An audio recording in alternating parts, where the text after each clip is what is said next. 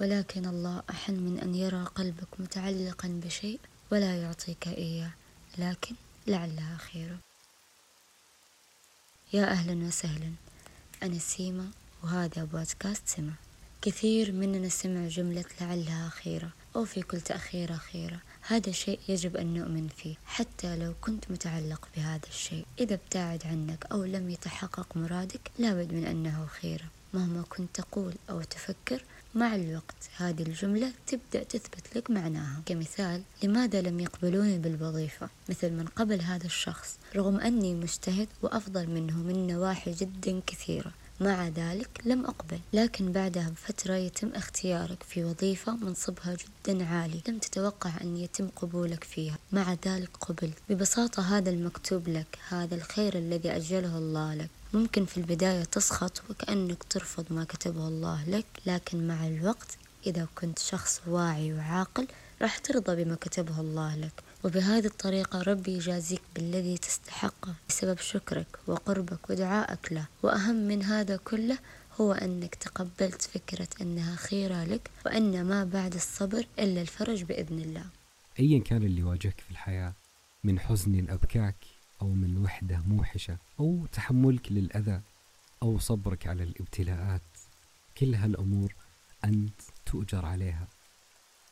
فكما يقولون الحمد لله على أوجاع بليت بها قلوبنا وكتب في صفحاتنا أجر الصابرين.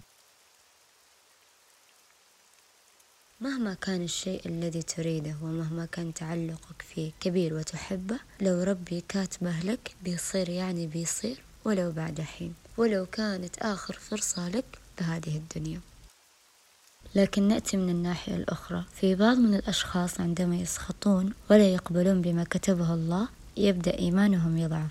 من هذه الناحية ستتعدد الأسباب. أولا ربي لن يقبل بدعوة أنت دعيت فيها إذا كانت شر لك لأنه سيصرفها عنك بكل تأكيد. ثانيا أحزن وخذ وقتك وافعل ما تريد فعله لكي تعبر عن حزنك. لكن يجب أن يبقى إيمانك بالله كبير جدا وتكون موكل أمرك لله وتتقبل فكرة الرفض أو عدم القبول أو عدم حصول ما تريده لأن هذا شيء أساسي في أن تكمل حياتك. وسترى بإذن الله اليوم الذي يثبت أنها خيرة لك وتقول لك الحمد يا الله لأنك أصرفت هالشيء عني. لأن إحنا ما نعلم بالغيب كل شيء مكتوب لنا خيرة مهما كان الشيء اللي أنت ودك فيه أو كان عندك وخسرته فهو خير.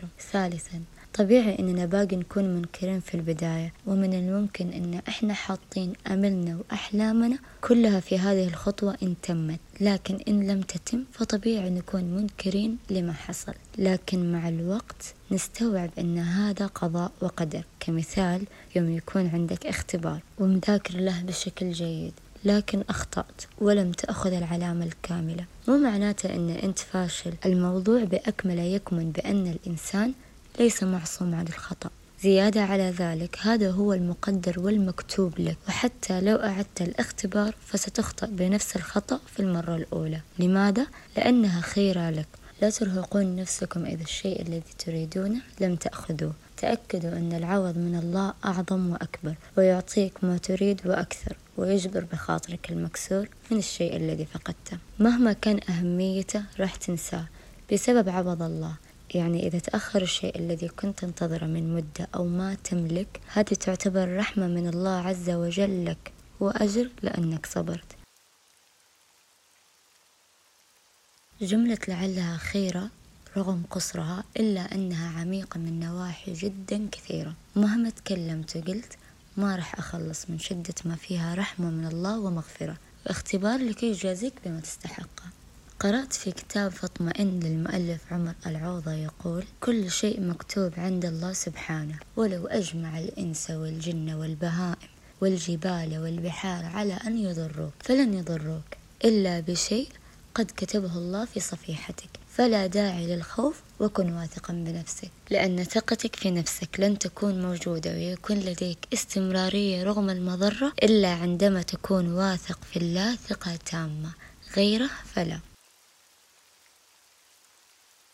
الخير فيما اختاره الله. لكل شخص يسمعني في هذه اللحظة يفكر في هذه الجملة بما يقال بأنه خيرة فيما اختاره الله. وهل يأتي الشر من الله؟ وهل بيوم ممكن أن يكتب لك شيء يؤذيك؟ بالتأكيد لا. الله سبحانه وتعالى أرحم عليك من أمك وأبيك. لو صار شيء عكس ما تتمناه وإن أذيت هذه تعتبر رحمة من الله ومغفرة لذنوبك. وتستوعب وتسوي الشيء الصح وتترك الغلط. مهما كان الذي كتب لك من أشياء بنظرك هي سيئة فهي بنظر الله مغفرة ورحمة وخير كبير لك. كيف خيرة لي إذا هي تضرني؟ هي دروس لك. هي اختبار من الله ليرى قوتك بقربك منه. مهما الشيء اللي أنت بهاللحظة تمر فيه مهما كانت مساوئ هذه الظروف مو معناته نهاية العالم.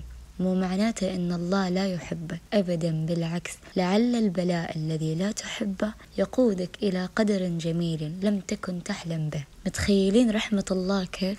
والأغلب يجازيه بعدم الصبر بعدم الرضا بعدم حسن الظن بالله. إذا لم تكن إنسانا راض بقضاء الله وقدره كيف تريد ما تريده من الله؟ إذا لم تفعل ما هو يريد كيف تريده أن يعطيك ما تحبه؟ لابد من التقرب له والرضا بالمكتوب والحمد والشكر له. لابد لكي تكمل حياتك.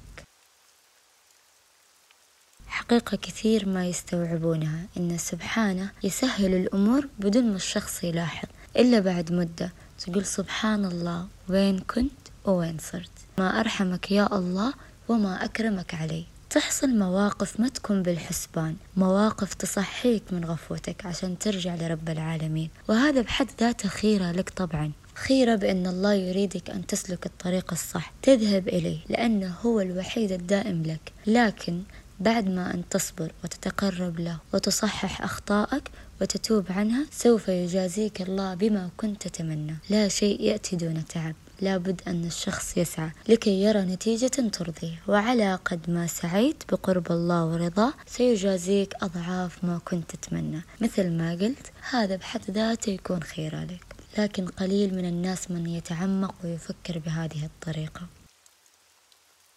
ويأخذ منك شيئا من جهة ليعطيك أفراحا من جهات أخرى. ويبعد عنك أشخاصا ظننت وجودهم في صالحك.